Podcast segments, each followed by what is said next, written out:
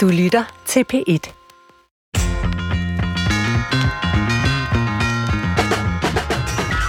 En god gammel konflikt. Er der noget bedre end at blive godt og grundigt rasende på et eller andet fjols? Ja, det er nok bedre, hvis vi kan løse vores konflikter. Men det er svært, især når de er blevet helt indgroet og nærmest umulige at hæve sig op over. Men det prøver vi i dag i dagens udgave af Brinkmanns Brix, hvor det skal handle om netop konfliktløsning, så velkommen til. Til retlægger Christoffer Heide Højer, du er jo faktisk virkelig nem at samarbejde med. Jeg tror ikke, vi har haft en egentlig konflikt i løbet af de vel efterhånden 200 udsendelser, vi har lavet sammen. Jeg har i hvert fald ikke oplevet det som konfliktfyldt overhovedet, men det er jo så bare min oplevelse. Er det det, eller er, det, er du konfliktsky, øh, Christoffer? Jeg er meget føjelig. Du er det, det, det er det, der er. Eller- jeg siger ja. bare ja, hver gang du kommer med et eller andet tåbeligt forslag. okay. Ej, jeg er faktisk, øh, jeg er faktisk relativt god til at komme i konflikt. Nå. Og øh, jeg vil godt dele en, en øh, historie, hvor at jeg måske kommer for hurtigt også i konflikt-mode. Øh, hvor jeg er ude at cykle med min etårige dreng hjem fra vuggestue, som vinker af. Øh, den samme vej, vi kører hver dag ned mod Netto, skal de vinke af. Cykler ned. Der kommer så en bil op på siden af os, da vi er drejet. Og han øh, sidder inde i bilen og gestikulerer helt vildt voldsomt, som om at jeg ikke vinkede af. Og så, den kunne man lade fare. Men Mhm. jeg vælger at stikke øh, den mellemste finger Ej. ud. Og, fordi jeg, jeg, nå, men det, vi kan tale om, måske, Og din dreng sidder og kigger på... At, han er et. Jeg, jeg tænker, så meget forstår han ikke, men det, det, det, er, jo, det er jo en farlig ting at sige, når man sidder med en psykolog. Men ja. øhm, det, som så sker, det er, at den her fører vælger at køre op og blokere cykelstien. Nå, Okay, øh, og stige ud af bilen, så jeg begyndte til at, at holde, og øh, kommer ud og konfronterer mig med, at jeg har givet ham fingeren.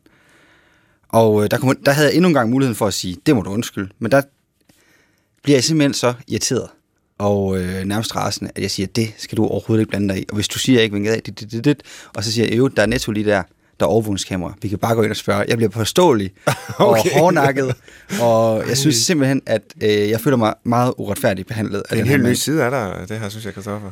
Ja, øhm, og så sker der jo det, at min hjerne pludselig får fokus på den der etårige. Ja, Det er ikke et, et optrin, der er særlig øh, hyggeligt på vej hjem fra vuggestue, tænker jeg. det er ikke så værdigt. Så jeg siger, det er fint, det du siger, jeg siger noget andet. Og lige inden, der, ja, der, der jeg kan ikke lade være det, så ligesom jeg kommer lidt væk, så kigger jeg over, og så siger jeg, jeg tager lige din nummerplade. øh, bare fordi, så tænker jeg, så kan jeg jo identificere ham i dag, og han har jo ikke noget på mig, fordi jeg kommer på en cykel. Så, så, så noterer jeg den, og jeg går selvfølgelig også hjem og slår den op og sådan noget. Der går lang tid, hvor jeg er i konfliktmode, kalder jeg det. Ja. Øh, jeg overvejer sågar nærmest at gøre en sag ud af det. Google, og er det ulovligt at give fingre i trafikken? Det er det ikke, kun hvis det er til en betjent. Men det er til gengæld ulovligt at spærre andres kørebane. Og så Ja. tænker jeg, der har jeg den. Jeg kan få den her person ned med nakken. Øhm, og ja, så ringer jeg til min kone, som er psykolog, som så ændrer historien sig der. Så skal det rettes på nogle andre ting. Men øhm, det var lige en konflikthistorie, jeg vil Det dele. er modigt, du og- deler den med, med nationen, synes jeg. Ja, det, de må komme efter mig. Ja. Men Svend, så vil jeg ligeledes spørge dig. Nu har jeg været så åbenhjertig. Har du en historie om, hvordan du er øh, endt i en konflikt? Jeg vil sige, noget af det værste, jeg har prøvet, det var en gang, hvor nogle psykologkolleger klagede over mig til øh, rektor for mit øh, universitet, fordi de synes, jeg misrepræsenterede deres tilgang øh, i den offentlige debat.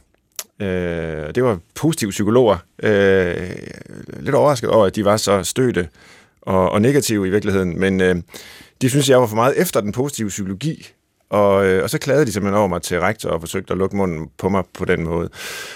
Det er mange år siden nu.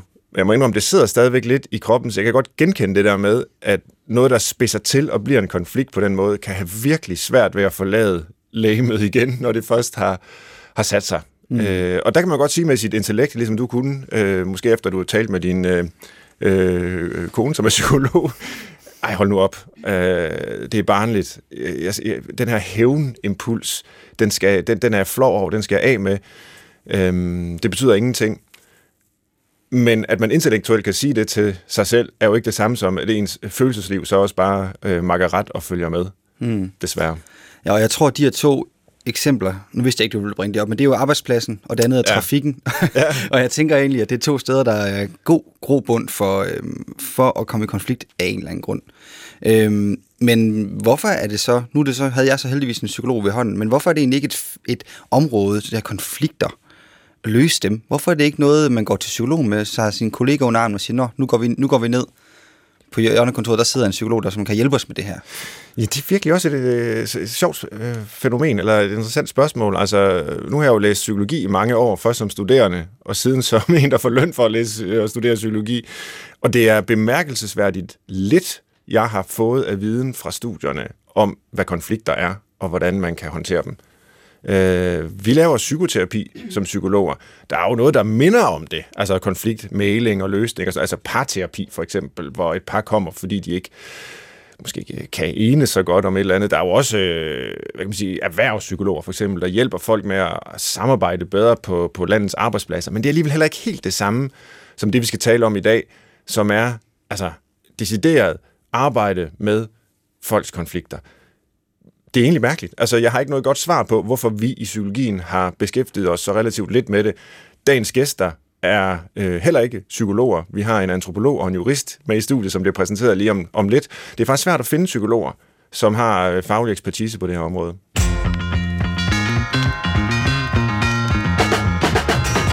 Velkommen til Brinkmanns Brix, og i dag skal vi altså lære om konflikter, måske ovenikøbet lære at håndtere dem eller løse dem.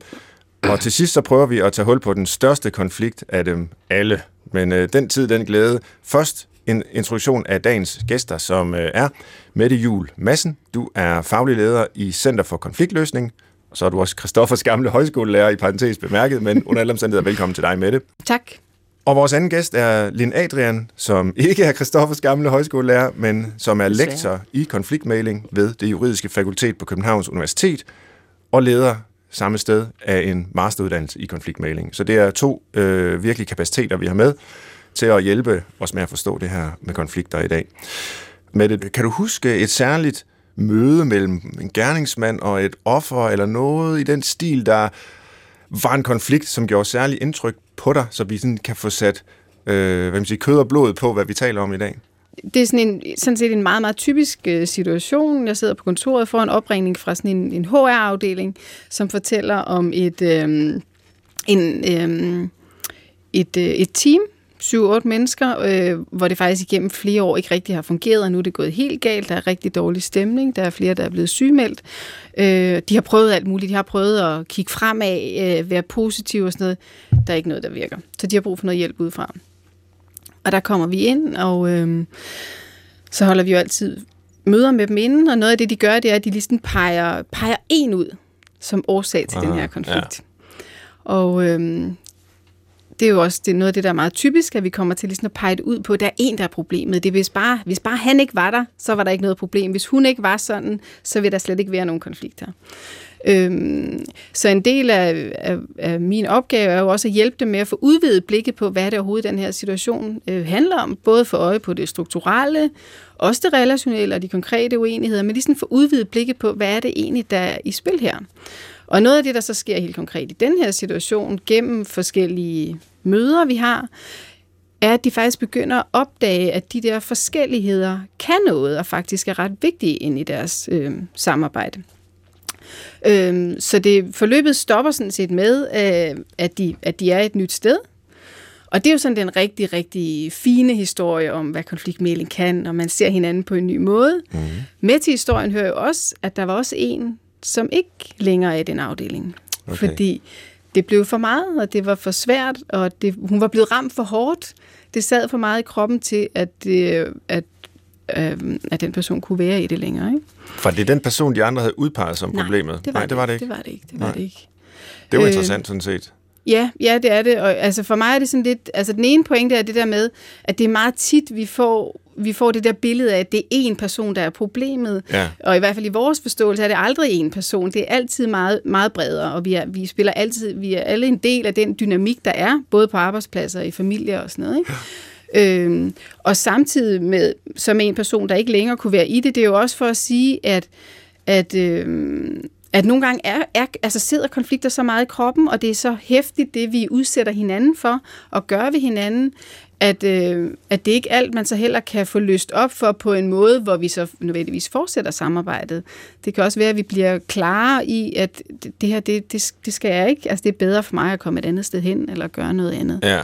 Det der med, at konflikten ikke kan ligesom, lokaliseres i mm. et enkelt individ, det ja. er jo også noget, jeg har læst om, mm. også i løbet af min psykologiuddannelse. Måske mm. ikke lige i forbindelse med konflikter, men i forbindelse med alt muligt andet, der er svært i vores liv. Ikke? Der er de her systemiske mm. teorier, der mm. netop prøver at sige det. Ja. Det er ligesom et, et helt system. Og det, og det ved jeg godt, igen intellektuelt, men jeg må mm. sige, når jeg har når jeg tænker tilbage på de konflikter, jeg har haft mm. igennem mit liv, mm. så synes jeg jo samtidig meget ofte, mm. at man kan pege på mm. sige, konfliktens mm. primære årsag mm. i en mm. person. Mm.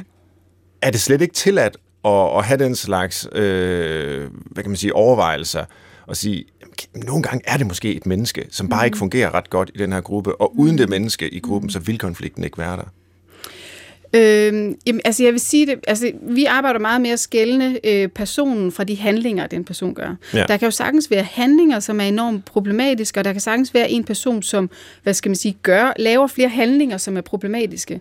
Men det, der bare rigtig tit sker i praksis, det er, problemet bliver så, hvis der ikke er nogen, der siger fra over for den person. Altså. Så det er jo det, vi rigtig tit oplever. Så begynder folk at lave praksiser rundt omkring den person, eller så begynder de at arrangere, at hvis du laver det der, så, så sørger vi for, at han ikke kommer med der og sådan noget.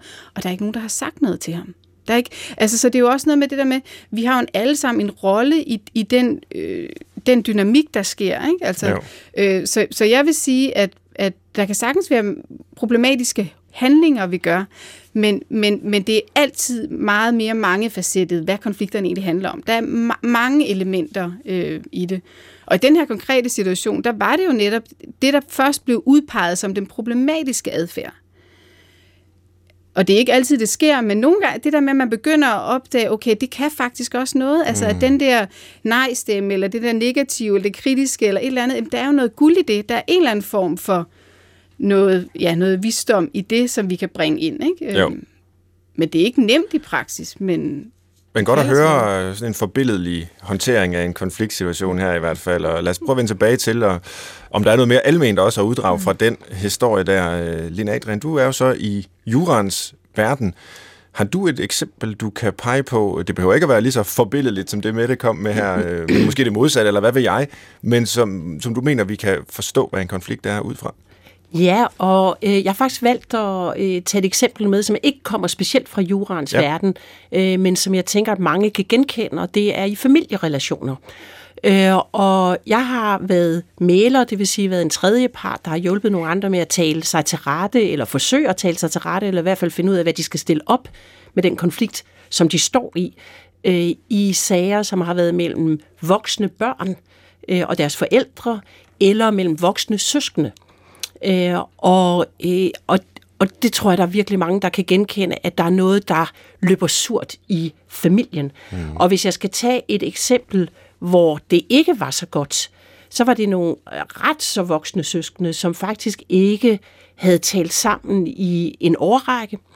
Øh, de øh, mødtes jo under tiden til familiesammenkomster, men det var også blevet sådan, at familierne rundt om dem måtte indrette sig efter, at det ikke var altid, man kunne invitere dem begge to samtidig, så det bragte en masse problemer i øh, sådan, dem omkring dem. Og de var på en måde også kede af, at det havde udviklet sig sådan. Og specielt fordi den ene, lad os sige, bror, øh, som var onkel til søsters børn, ikke selv havde nogen børn, men havde haft en ret nær relation til søsters børn, og den var nu afskåret. Mm. Øh, han fik reelt ikke lov til at se dem, og det var han vældig ked af. Og måske var det egentlig det, han var mest ked af. Og øh, dem holdt jeg møde med over et par gange for at øh, tale om, hvordan den her situation påvirkede dem, og de var tydeligvis begge to vældig, vældig påvirket af den. Øh, men der var ingen af dem, der egentlig havde en interesse i at se den andens perspektiv på en måde, der gjorde, at de kunne mødes. Og jeg tror også, at deres konflikt havde varet så lang tid, at de nu var blevet vant til at have et familieliv, hvor de ikke havde en søskende. Og det var de egentlig parat til at fortsætte med. Okay. Så det var et ret trist eksempel, set fra mit perspektiv, på at de til sidst aftalte, at jamen, øh, vi kan være sammen til de her højtider i familien, og du kan få lov til at se børnene en gang om året på den og den dag. Det var ligesom det, de gik derfra med. Hvor jeg jo blev bragt i den situation, at jeg ville ønske noget andet for dem, men måske var det det, de selv ønskede, og det er det i hvert fald, man som maler må gå med. Ja. At hvis det er det, de virkelig vil, så fik de ligesom landet den et sted, hvor det er nu det, de har aftalt, at de gør. Ja. ja, for man kan vel ikke ligesom hjælpe folk til at løse en konflikt, hvis ikke folk har en interesse i det. Nej, Altså, Nej. det, det er vel ret basalt, ikke? præcis, og det er heller ikke konfliktmælerens rolle Nej. at løse konflikten for folk, men det er konfliktmælerens rolle at iværksætte en proces, som gør, at de kan tale om den på en måde, hvor de kan finde ud af, hvad stiller vi op her. Ja.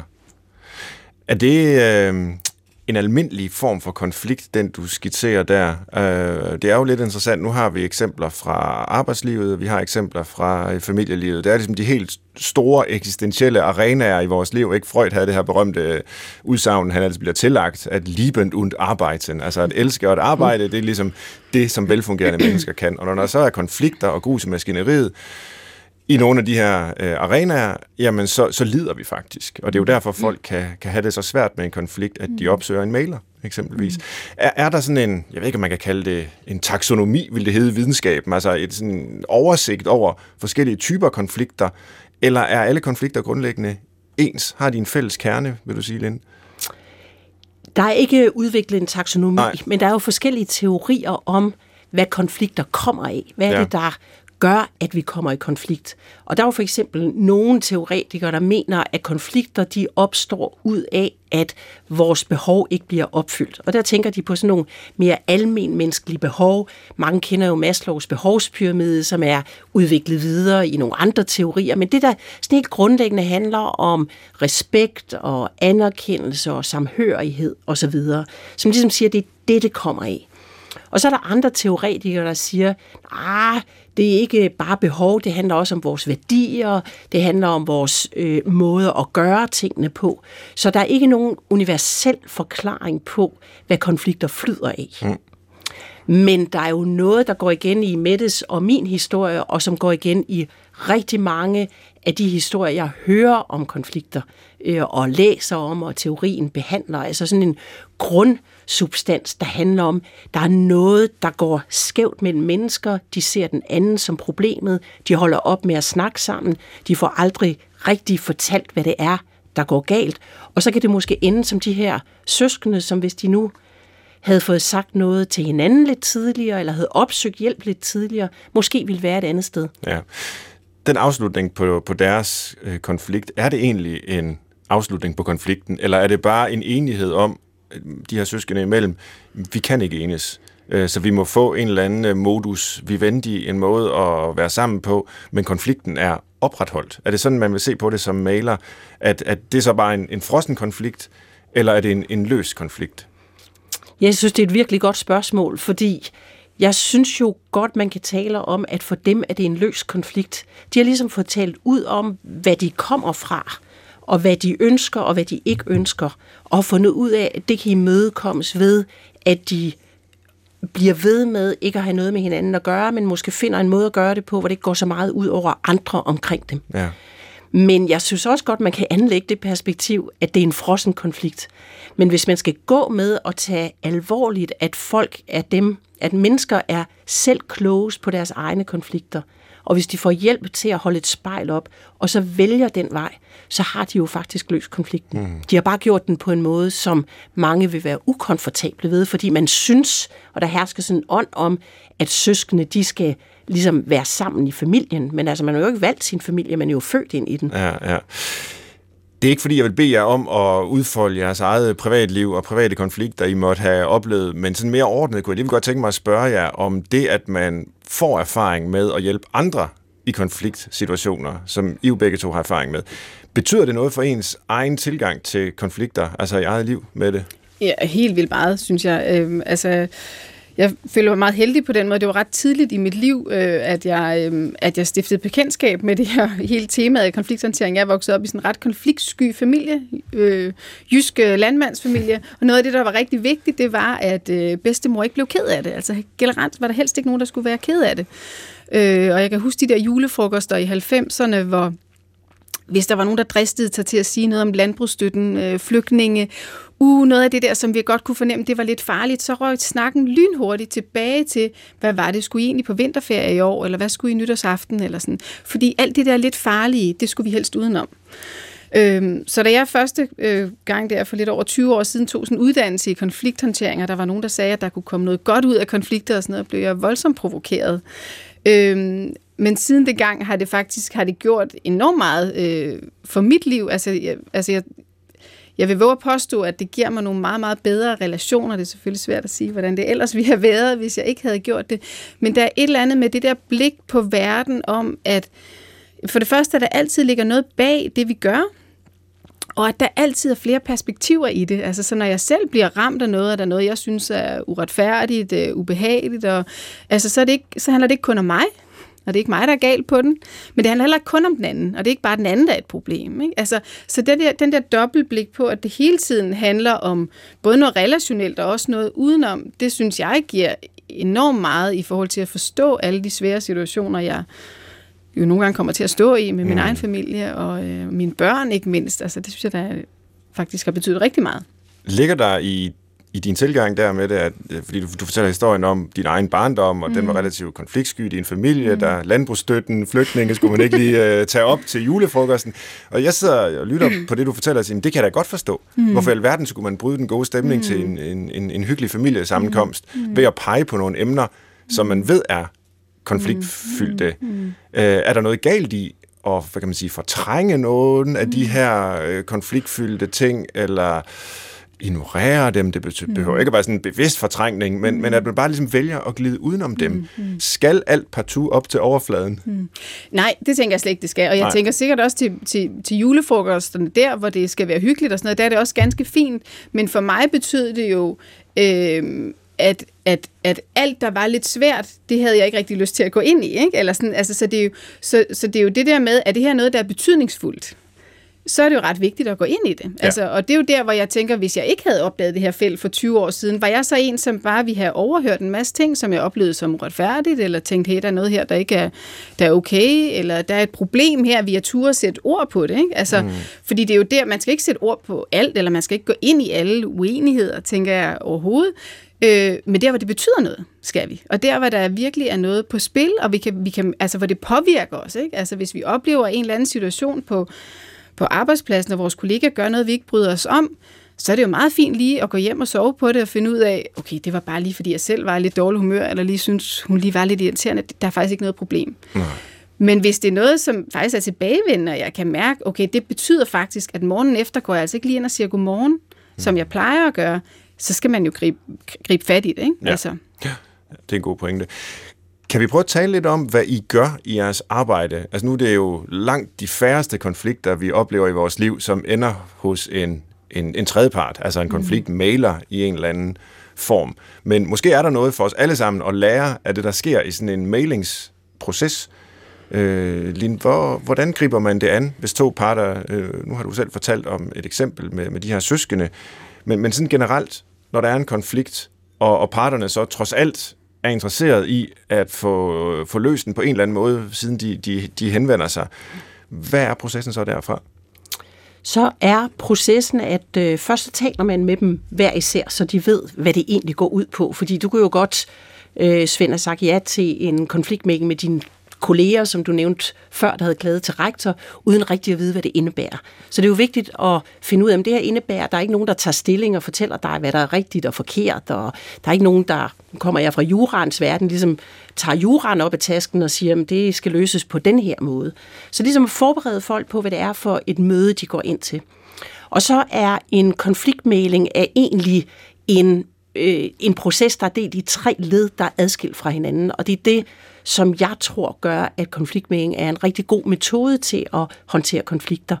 En del, der handler om, at dem, der er impliceret, får lov til at fortælle om, hvad det handler om for dem, hvad det har gjort ved dem, hvad det er, der betyder noget, hvad der er vigtigt for dem. Og der er man jo som maler i den skønne situation, at man kan stille folk spørgsmål. Hmm. De spørgsmål, de ikke kan stille til hinanden. Så jeg kan jo for eksempel spørge øh, øh, søster, hvad betyder det for dig at være i den her konflikt? Noget bror aldrig vil spørge om. Og så kan bror faktisk høre, hvad betyder det her for søster? Så det er ligesom det første led. Og det næste led, når man har fået sagt, og parterne har fået sagt det, der er vigtigt for dem, og man som maler hjælper dem til at gøre det på en måde, så den anden kan bedre høre det, så øh, er der en, sådan en, en del, der handler om at finde på idéer til, hvad kan vi gøre herfra? Og den er så igen adskilt fra at forhandle sig til rette om, hvad gør vi så? Og i rigtig mange konfliktsituationer, der gør man alle tre ting på én gang, og det, når man det ikke er et hjulpet møde, så er der mange beskyldninger, man har svært ved at høre hinanden. Så det, at maleren kan stille spørgsmål, hjælpe folk til at tale om det, der er vigtigt for dem, og så den her treledet proces med at fortælle om, hvad det gør ved en, og hvad, proble- hvad de her problemer, hvordan de ser ud for en, det at finde på idéer, og først til sidst tale om, hvordan man skal løse den. Mm. Det er det, det, jeg gør, og det var også det, jeg gjorde i den situation med bror og søster. Er der et af de her led, som er ligesom den særligt vigtige del af processen? Fra mit sådan naive øh, perspektiv, så, så kunne det lyde som om alene det første led, altså det med, hvor de faktisk siger med egne ord, hvordan de oplever situationen, øh, og den anden lytter til det selvfølgelig, og har måske aldrig hørt den udlægning af, af sagen før. Det kunne jeg forestille mig øh, virkelig kan rykke noget.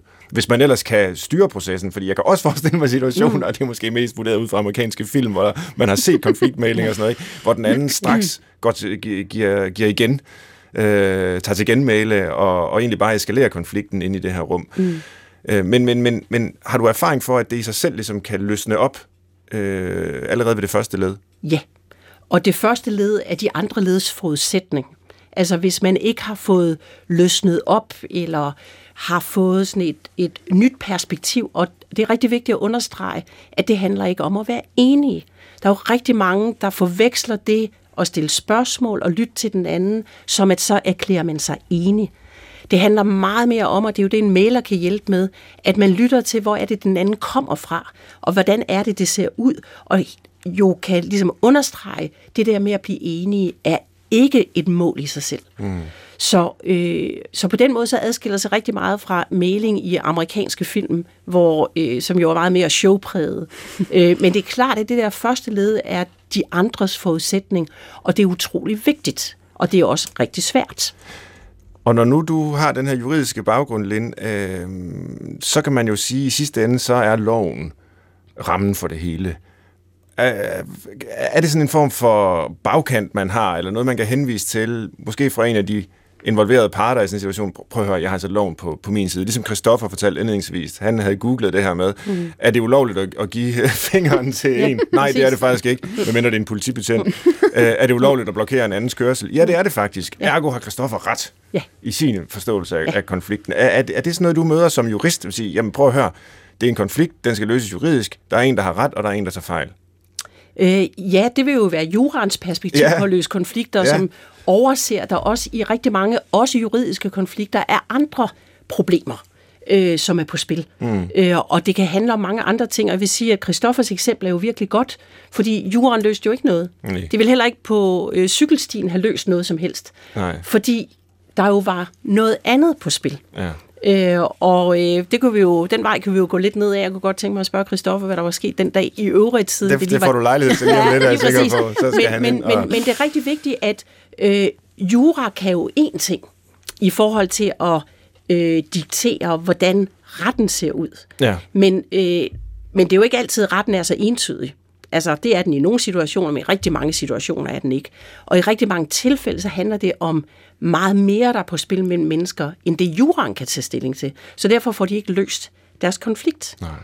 Og i, øh, jeg har en kollega, der arbejder i Norge i noget, der hedder jordskifteretten hvor man øh, behandler konflikter i skæld. Det har man rigtig meget af i Norge, ikke også? noget af det ja. i hele Og de har, deres, de har også mailing, ja. og til deres mailinger har de udviklet sådan nogle små chokolader, som øh, folk de får, og på dem der står der fra rigtigt til vigtigt. Okay. Og det er i virkeligheden også essensen af mailing, og hvordan juraen kan spille sammen med konflikthåndtering. Ja. At et er, hvad der er rigtigt, og hvad der er juridisk rigtigt, men noget andet er måske, hvad der er vigtigt for folk. Og det, det er der, man ligesom sætter ind. Det lyder som en god pointe. Også det, at man kan hjælpe folk med chokolader. Præcis. Det en vigtig del.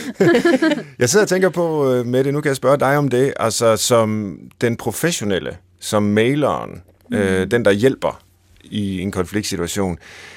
Altså, holder man nogensinde med en af parterne? Det gør man selvfølgelig ikke udadtil. Mm. Man er professionel, forestiller jeg mig. Mm. Men er der ikke mange situationer, hvor man kan sige, jamen prøv at høre, det er da den der person, som, som har de bedste argumenter her. Mm. Kan man holde det ud af det? Øhm, altså, både ja og altså ja på den måde, at når man får, altså jeg kan huske i starten, da jeg var, var mailer, og så blev ringet op af en, en nabo, jeg havde sådan nogle telefoniske formøder til at starte med, blev ringet op af den ene nabo, og man hører historien, og man tænker, hold da fast, ej, han lyder modbydelig, ham den anden nabo, ikke? Jeg er ja. lidt spændt på, når jeg skal snakke med ham, ikke? Altså den der forestilling om, nu har man lige sådan fået historien, ikke? Og så ringer man op til den der, som man tror er den der modbydelige nabo, og så tænker man, nå nej, det er da den anden, der er helt mobil. Ikke? Altså, så den der erfaring, når man så har, som jeg har haft øh, 200 plus mailinger eller et eller andet igennem de der mange år, så, så, så bliver det på en eller anden måde så indgroet, at der altid bare er meget, meget forskellige opfattelser af det. Altså, så, så, på, så på den måde vil jeg sige, at, at, øhm, at jeg i langt de fleste situationer kan møde alle lige åbent i forhold til, øh, uafhængig af, hvad det er, de har gjort og sådan noget. Og samtidig er der jo nogle situationer, hvor det bliver svært, og det er jo også derfor, vi selv har supervision og arbejder med vores, vores egne blinde vinkler og sådan noget, fordi der er jo nogle situationer, hvor der er noget, det kan også være noget sådan etisk, hvor vi tænker, huh, her er det egentlig noget andet, der skal til, og er det overhovedet det rigtige at gøre her, eller at man selv bliver kroget af det, fordi at det her måske minder mig om noget, jeg selv har, har oplevet. Øhm, men, men det er jo så vigtigt, at man sådan også kender sine begrænsninger som konfliktmæler. Og mm. er der måske nogle sager, hvor jeg kan se her, her, der har jeg i hvert fald brug for noget ekstra støtte måske fra en kollega, øhm, eller den her sag skal jeg måske faktisk slet ikke ind i, fordi der kan jeg faktisk mærke, at jeg er for ramt, for ramt af det. Ikke? Har der været sådan nogle eksempler øh, på, at du ligefrem har sagt nej tak til at, at være med? Ja, ja. Jeg, har, jeg har haft et par formøder engang, hvor jeg kunne mærke, det var simpelthen for svært for mig at have, have empati med, med den ene part. Okay. Og jeg havde det op i supervision, og kom ligesom frem til det. Jeg tror, jeg er nødt til at melde tilbage her, at, at hvis de gerne vil videre med konflikt, det ville de så ikke. De, men, men hvis de ville det, så skulle de vælge en anden. Okay. Fordi jeg simpelthen kunne mærke, at det var for svært, for svært for mig. Ja, og nu siger du empati. Er det, yeah. er, er det det, der skal til som, øh, som en af ingredienserne for, for hjælperen? Mm, I hvert fald, altså vi, vi siger nogle gange det der med, at vi låner empati ud. Altså fordi på den måde, at parterne er jo øh, så, hvad skal man sige, indforstået og så kropsligt vokset ind i den der konflikt, at de ser den anden virkelig som problemet, ikke? og kan have svært ved at høre, hvad den anden siger. Så, så i hvert fald empati på den måde, at man kan kan spejle det tilbage, øh, det der bliver sagt, på en, på en måde, hvor den person virkelig op, oplever, nu bliver jeg hørt og taget alvorligt. Og det, der jo så er den svære kunst, det er ikke at gøre det på en måde, hvor den anden oplever, at man bliver taget mindre alvorligt, eller der bliver givet ret. Ikke? Men altså det der med virkelig at kunne være der med, med begge parter. Ikke? Altså, og det er jo der, hvor det kræver rigtig meget ro og nærvær. Øh, og det kræver, at man har den der upartiskhed, øh, altså ind under huden. Altså det er ikke bare et teoretisk begreb med, at vi, altså, vi skal lige, altså begge parter er ligegyldige mm. og sådan noget. Men det er virkelig noget med selv at have sådan en, en helt grundlæggende forståelse af, de har noget vigtigt begge to, og der er noget gyldigt, øh, og de er værdige begge to. De skal mødes med lige meget respekt. Og det er man nødt til virkelig at have have ind under huden, og, og derfor er man også nødt til at arbejde med, ret meget med sig selv som konfliktmæler. Ja, ja, det kan jeg sagtens forestille mig. Burde vi som mennesker i jeres øjne stræbe efter et konfliktfrit liv? Det er selvfølgelig et uopnåeligt ideal, og I vil blive arbejdsløse. Men, øh, men, men jamen, måske spurgt på en lidt anden måde. Er livet bedre med få konflikter, end, øh, end, end et liv med flere konflikter? Linde, hvad er dit syn på det? Altså, jeg tror simpelthen ikke, man kan stille det sådan op, Nej. fordi der er jo noget i vores natur og i vores relationer, som gør, at vi løber ind i konflikter. Mm. Men det at arbejde med konflikter og konflikthåndtering handler i meget høj grad om at arbejde med at, øh, at håndtere dem på en konstruktiv måde. Så for mig er der ikke noget mål, der hedder, at vi skal ikke have nogen konflikter. Altså, øh, I har måske mødt folk, til et guldbryllup, der siger, og der er aldrig faldet et ondt ord mellem os i de 50 år, der er gået.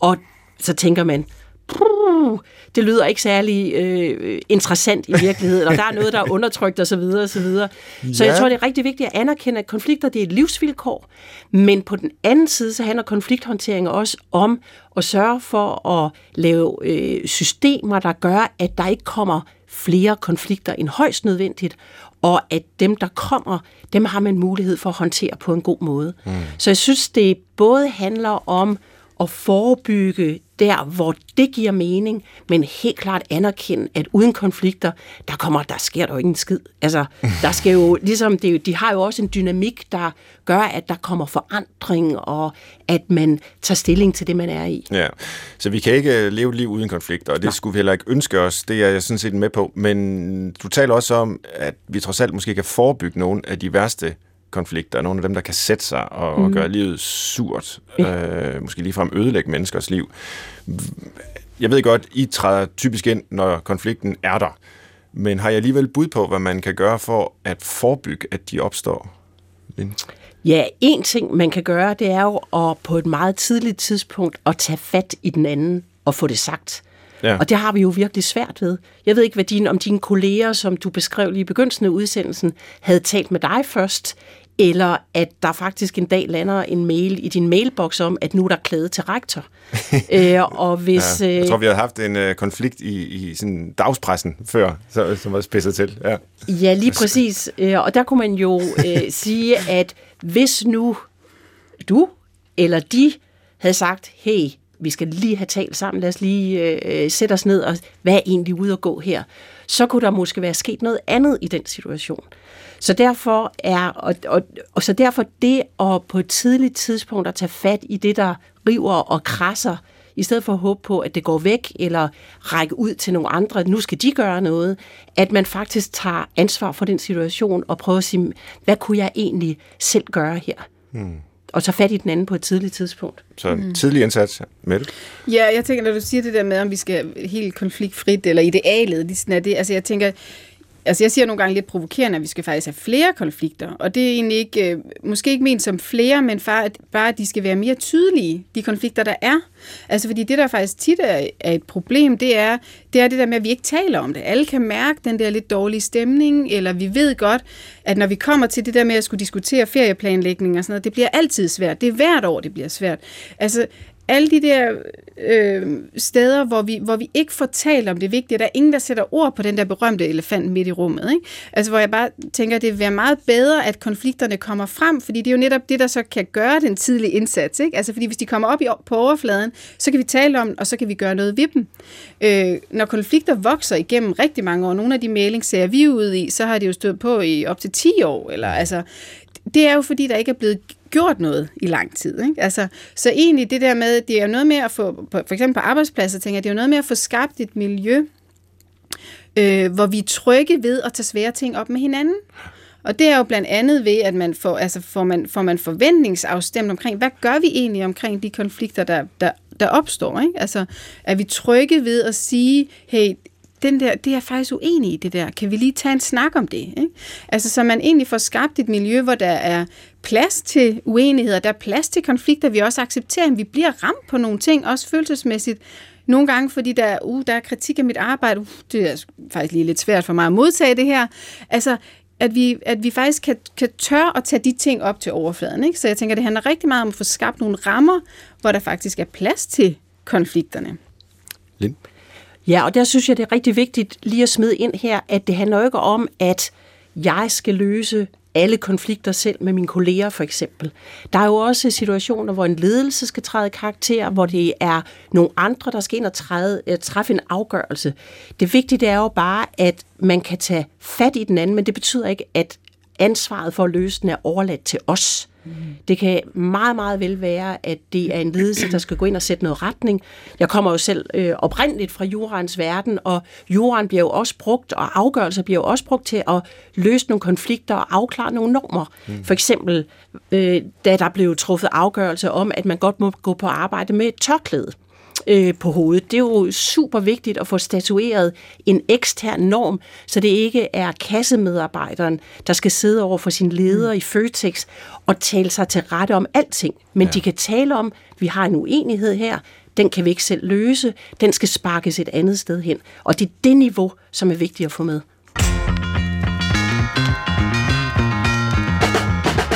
Du lytter til Brinkmanns Brix i dag med faglig chef i Center for Konfliktløsning, Mette Jule Madsen, og lektor på Jura på Københavns Universitet, øh, uddannelsesleder en master i konfliktmailing, Lin Adrian.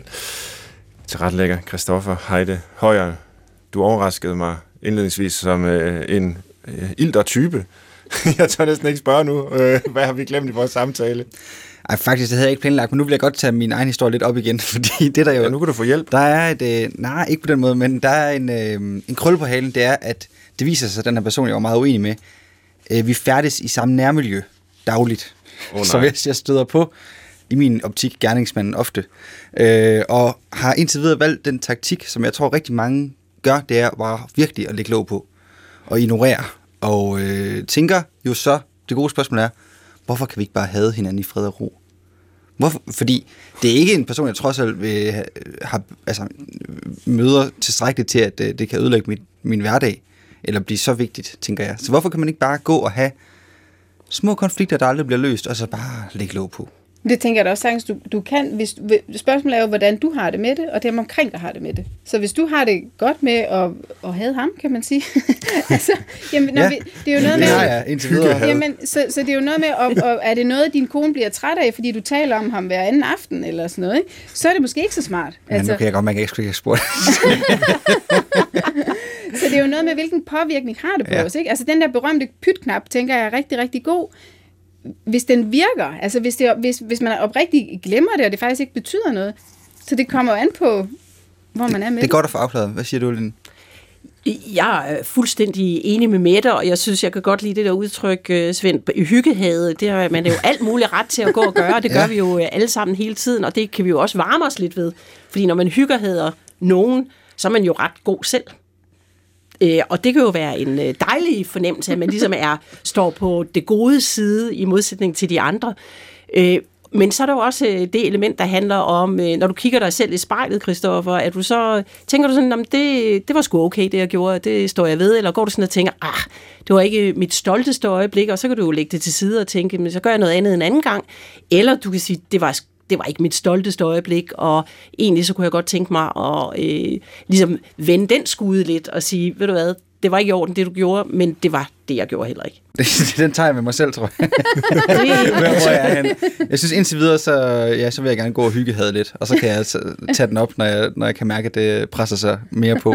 Ja. Øhm, jeg vil også gerne lige spørge om det hele det her med, jeg kan bare ikke lade være med at tænke på, hvorfor er I ikke ansat inde på Christiansborg øh, til at sidde og ordne de politiske debatter, eller det her med, når værdier træder frem, når der er et eller andet, vi sådan er væsens forskellige eller uenige i, altså sådan her hænger verden sammen, jeg synes noget andet. Øhm, kan man ikke bruge sådan nogen som jeg til at få, få løst op i det, eller er det simpelthen bare en værdi, det kan man ikke ændre på, eller en ideologi, det er sådan, det er? Altså, jeg tror jo, det er vigtigt at skelne mellem øh, fora, hvor man debatterer, og man udveksler synspunkter, og man øh, slår hinanden oven i hovedet, og prøver at overbevise den anden om, at man har ret. Og så fora, hvor det er meget mere undersøgende og dialogisk. Og jeg ville da ønske, at politiske debatter var meget mere dialogiske. Der er masser af politiske debatter, jeg overgår at høre på dem, for der er ingen, der bliver klogere af dem. Øh, og jeg synes, det kunne være meget forfriskende øh, at prøve at fremme en kultur, hvor man godt kan krydse klinger på synspunkter, men også forholde sig undersøgende til, hvorfor er det egentlig, du ser på det på den måde, og hvad betyder det, og at debattører kan stille spørgsmål til hinanden. Det vil jo være meget, meget mere interessant at lytte til, øh, fordi så vil jeg også som lytter blive klogere. Men ja. det der med at krydse klinger og debattere, det kan jo også noget, fordi det, det tegner nogle streger op, øh, som man så kan forholde sig til at se, hvor, hvor er jeg egentlig henne i det her. Så jeg synes ikke, det er sådan et enten eller. Jeg går ikke ind for en verden, hvor vi aldrig må krydse klinger, vi må aldrig være uenige, og vi skal tale pænt til hinanden hele tiden. Øh, bestemt ikke, men jeg tror godt, den politiske debat kunne holde ud til at få en dråbe af undersøgende øh, samtale. Øh, hvad siger du med det? Kan du, kan du konfliktmelde værdier? Øh, ja, altså, vi, værdier er jo en, en typisk en, en vigtig del af mange konflikter. Altså, vi har sådan en, en model, hvor vi arbejder lidt med sådan et billede af sådan lidt et garnnøgle, ikke? rigtig mange konflikter er sådan et garnnøgle af forskellige, der er forskellige knuder i det, ikke? Når det bliver viklet sammen, så er der forskellige knuder i, og typisk er der sådan en stor knude inde i midten, som skal vikles ud, for at alle de andre knuder også kan blive viklet ud, ikke? Og, øh, og der er værdier tit noget væsentligt, altså en væsentlig del af det. Ikke? Og det man jo kan med værdier, det er, at hvis vi har en rigtig, rigtig øh, øh god dialog omkring vores forskellige værdier, og hvis vi faktisk er nysgerrige undersøgende, som Lind beskriver det, på, på vores værdier, når vi får en, en anden forståelse for hinandens værdier, så kan vi typisk også noget andet praktisk sammen. Fordi hvis vi, hvis vi ligesom nægter overhovedet at forstå hinandens værdier, så er det, at vi kommer til at krydse klinger rigtig meget på det praktiske. Og så bliver det sådan nogle lidt, måske egentlig nogle lidt kedelige ting, vi debatterer. Ikke? Altså vi diskuterer en eller anden lille ting på, med opvaskemaskinen, eller en eller anden lille øh, praktisk ting. Politisk. Eller kvoteflygtninge. Ja, ja, altså det bliver sådan et eller andet sådan symbol, ikke? Altså, hvor jeg tænker, det er jo meget bedre, altså det jeg tænker, vi vil kunne hjælpe med, og nu arbejder vi faktisk også med nogle, nogle partier i forhold til det der med, hvordan det der jo også sker internt i partierne, det er, det bliver tit meget, meget personligt. Altså, de går fra det egentlig at diskutere... Arbejder, jeg skal bare lige høre, arbejder I internt i partierne, eller partierne imellem? Internt. Okay, ja. det har også været spændende det andet. ja. det andet, det er den demokratiske ja. debat, ja, okay, okay. Den, den skal nok have lov at udfolde sig. ja. Ja, men altså både, det der med, at vi kan, det, det er jo der, vi kan, rigtig kan blive klogere på hinanden. Ikke? Altså, og så er det, vi kan, vi kan træffe nogle bedre, ikke nødvendigvis, fordi vi bliver ikke nødvendigvis enige af det, men vi, bliver, vi, vi har en oplevelse af, at vi bliver respekteret. Vi bliver måske forstået i en eller anden grad i hvert fald. Der er måske lidt genkendeligt, der er også rigtig meget forskelligt, men det er sådan set okay, så længe at processen omkring det er god, og vi faktisk oplever øh, at blive taget alvorligt. Og så er det jo nemmere at finde nogle, finde nogle rent praktiske løsninger sammen også, så man kan sagtens gå i, i dialog omkring øh, værdier, for man behøver ikke at blive enige omkring det. Og det er vel også det, der er vigtigt, at værdier dem, det er jo noget, som vi virkelig tror på, og noget, vi holder kært og kompas for vores liv. Så mm. det, at nogen går ind og udfordrer vores værdier, gør jo ikke, nå nej, men nu går jeg da ind for, at man godt kan slå børn i børneopdragelsen, for det kan jeg da godt høre, at det er en god idé. Altså, øh, vores værdier er tit nogen, vi ikke kan flyttes på, men det gør jo ikke, at vi ikke nødvendigt, at vi ikke alligevel kan finde ud af at finde en form og være i det og finde nogle løsninger på de problemer, som så kommer af at have forskellige værdier. Jeg kunne tænke mig at prøve at skyde et øh, perspektiv ind her mod slutningen, fordi mange af de eksempler, vi har været inde på, lige fra Christoffers trafikkonflikt til øh, arbejdsgruppen, du havde med det, og øh, de to søskende, du havde, Lind, jamen, det er jo sådan individer, som er i konflikt. Og det er jo, gætter jeg på, individer, der kommer til jer og siger, vi har en konflikt, vi vil gerne have hjælp til at, at løse den. Mm. Men hvad nu hvis den konflikt i virkeligheden handler om nogle rammer eller nogle strukturer mm. rundt om de individer, risikerer man så ikke at individualisere øh, konflikten. Hvis der nu er sparsomme ressourcer på en arbejdsplads, mm. og alle kæmper bare for at gøre deres arbejde bedst muligt, og man kan se, jamen, det der i virkeligheden ligner en konflikt mellem forskellige individer, det handler om, at ressourcerne er helt utilstrækkelige. Mm. Mm. Og så sidder de der individer og bebrejder hinanden og mm. skælder hinanden ud, mm. øh, hvor det man i virkeligheden måske burde, det var at rette blikket lidt ud af eller opad og sige, hey, det er faktisk noget andet. Mm.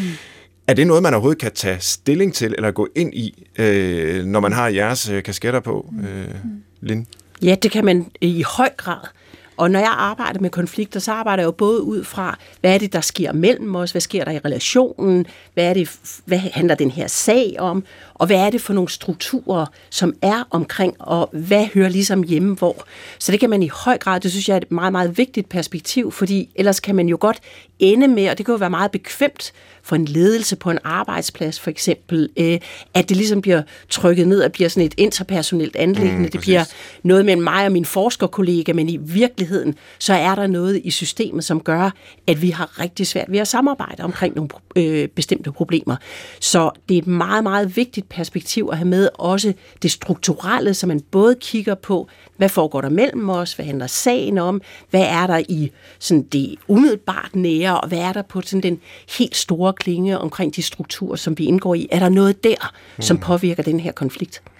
Og når vi nu er på den store klinge, så lovede jeg jo lytterne, at vi til sidst skulle tage en af de allerstørste og længst varende konflikter op, så vi kan ikke komme udenom det. Og det er jo ikke overraskende, når jeg nu siger, at jeg tænker på konflikten mellem Israel og Palæstina, som hele mit liv har været der, og også før jeg blev født, og som stadigvæk er der, og som jo desværre øh, lige nu øh, nærmest er værre og værre ud. Øh, det er jo bølget op og ned gennem årtier. Altså, kan man overhovedet anvende nogle af de tilgange, I har øh, fortalt så fint om, i den målestok, i den skala, som når vi taler Israel-Palæstina med det? Hvad, hvad, hvad vil du gøre, hvis, øh, hvis du blev hidkaldt og, og skulle hjælpe? altså for 20 år siden arbejdede jeg faktisk dernede med, med dialog blandt unge, og det var jo lige den gang, hvor, hvor, hvor Oslo-processen, at den, den stadigvæk var... Øh, var i gang, og så, øh, så der var lidt optimisme, og der tænkte man, det er godt, hvis vi også bringer folk sammen, ikke? og man får arbejdet med det der relationelle også. Men så, øh, så brød det hele jo sammen. Mm. Øhm, og, øh, og jeg er jo nærmest virkelig kun gået meget, meget værre ja. sidenhen. Ikke? Altså, øh, så, så jeg vil sige, at, at altså, der er jo rigtig mange mennesker, der har forsøgt rigtig meget. Altså, så jeg tænker, vi kan ikke komme ind og sige noget helt genialt om, hvad man bare skulle gøre eller noget. Men der er jo selvfølgelig noget i det der med at tænke i, at, at hvad er det egentlig for nogle grundlæggende behov, der er på spil på, på begge sider. Ikke? Altså, fordi der er jo tydeligvis, øh, øh der er jo tydeligvis øh, nogle, nogle grundlæggende behov, som på ingen måde bliver mødt. Ikke? Altså, og derved vil der jo blive ved med at være, øh, være konflikt. Ikke? Det er nogle gange lidt bekvemt at tale om det er langt væk. Måske kunne det hellere være interessant at tale om, vi står jo selv i en stor konflikt med, øh, i forhold til Rusland og Ukraine. Hvordan er det egentlig, vi som samfund øh, taler om specielt Rusland, fordi der er vi ligesom blevet jo en del af, at Altså, det er jo meget demoniserende faktisk, ikke? Altså, vi har, eller havde en udenrigsminister, som startede med at gå ud og sige, at vi skal ikke engang prøve at forstå russerne. Og det tænker jeg, der er, sådan set er ret problematisk, altså, fordi og jeg tror, det det, der sker, det er så det, som den siger, at vi kommer til at blande sammen. Vi tænker, hvis vi prøver at forstå, så betyder det også, at vi giver lidt ret, eller skal give efter på noget. Ja, og eller tænker, relativere måske også ja. øh, nogle altså, ja. former for ondskab. Ja, øh, ja. Jamen, lad os prøve at forstå, ja. Putin, eller ja, lad os prøve ja, at forstå mm, Hitler. Ja, eller... ja, ja. Og der tænker jeg, der, der for mig at se, at det er enormt vigtigt at holde fast i, ja, vi skal prøve øh, at forstå og begribe, hvordan, hvor, hvordan kan det egentlig være, selvom vi ikke tænker, at udvidelsen af NATO er fjendtligt, øh, minded eller sådan tænkt, så kan det sagtens opfattes sådan, ikke? for eksempel. Ja. Altså, men, og det ikke behøver at betyde, at vi så ligesom skal acceptere øh, nogle krigshandlinger som okay på nogen måde, men vi kan sagtens gøre begge dele. Man kan sagtens være tydelig at der er noget, der ikke er okay, samtidig med, at jeg virkelig, virkelig gerne vil forstå noget, og prøve at finde ud af, at jeg kan vide, hvad der egentlig er på spil. Hvordan ser det egentlig ud fra den andens, øh, den andens perspektiv? Mm. Jeg hørte, øh, ja, min kollega, vores kollega, kan vi godt kalde ham Adam Holm, mm-hmm. som har et øh, glimrende radioprogram her på P1, øh, som hedder Kampen om historien, hvor en af episoderne handlede om konflikten mellem Israel og Palæstina, mm. og det, ja, der er jo netop en lang historisk tråd mm. tilbage i tiden der. Men der havde han øh, yngre, unge repræsentanter inden, en, altså to øh, danskere, en med palæstinensiske rødder, en med øh, jødiske rødder og, og tilknytning til, til henholdsvis Palæstina og, og Israel. Og de gjorde faktisk det, kommer jeg til at tænke på nu, øh, som du mm. fortalte om tidligere, Linde, det her første led, simpelthen bare fortælle, hvordan ser det ud fra mit perspektiv. Mm. Det kunne også have været russere, øh, der har været inde, og ukrainer. Hvordan ser det ud fra vores perspektiv? De nåede så nok ikke længere end til det første led mm. i den udsendelse der, men øh, jeg vil anbefale alle at gå ind og lytte til øh, Adam Holms, øh, synes jeg, meget gribende udsendelse med, med, med de to unge mennesker her, mm. som det lød oprigtigt, som om de blev klogere mm. øh, på begge sider. Men et er at gøre det med nogle unge mennesker, der bor i Danmark. Noget andet er at gøre det med Netanyahu, eller mm. Putin, mm. eller altså, er der, ja, det må, nu overskrider vi måske lidt jeres, øh, hvad kan man sige, faglige baggrund, men, men jeg vil jo så gerne løse de her globale konflikter i vores lille radioprogram. Mm. Ja. Altså, er der, er der noget som helst, er der nogen som helst tegn på, at, at i, når, når det gælder stater og statsledere og sådan noget, at der er nogle processer, hvor, hvor nogle af de her konfliktløsnings- eller mailingsværktøjer kan, kan, kan bruges og bliver brugt? Altså, det er der så absolut. Nå, okay. Fordi, det er da godt. Øh, der findes... Ja, du kan være helt rolig. ja. øh, og vi taler jo tit om, at der er sådan det individuelle niveau, og så er der det strukturelle, og så er det det politiske, og så er der det internationale, som om de er væsentligt forskellige. Og det er de, de har nogle forskelle, men jeg vil påstå, at de har flere ligheder. At for eksempel, uanset hvad for et niveau det er på, så handler det også om interpersonelle relationer. Det handler det om, når politiske ledere, det har vi jo oplevet i verdenshistorien, at der er politiske ledere, som kommer godt ud af det med hinanden, og der er politiske ledere, der ikke gør. Og dem, der kommer godt ud af det med hinanden, de kan ligesom opnå noget. Så det med at arbejde på det relationelle niveau er også super vigtigt. Det med aldrig at holde op med at have samtalen er også vigtigt, fordi hvis den forstummer, så er der jo ikke flere veje. Øh, så på den måde så er der rigtig meget, som man kan lære af den interpersonelle konflikthåndtering om at være nysgerrig, undersøge værdier, adskille det og tale sammen fra løsninger, prøve at udvikle forskellige idéer, som man kan gøre på alle niveauer. Det synes jeg er opløftende, trods alt med alle verdens krige og konflikter i baghovedet, at man skal holde samtalen i gang, om ikke andet.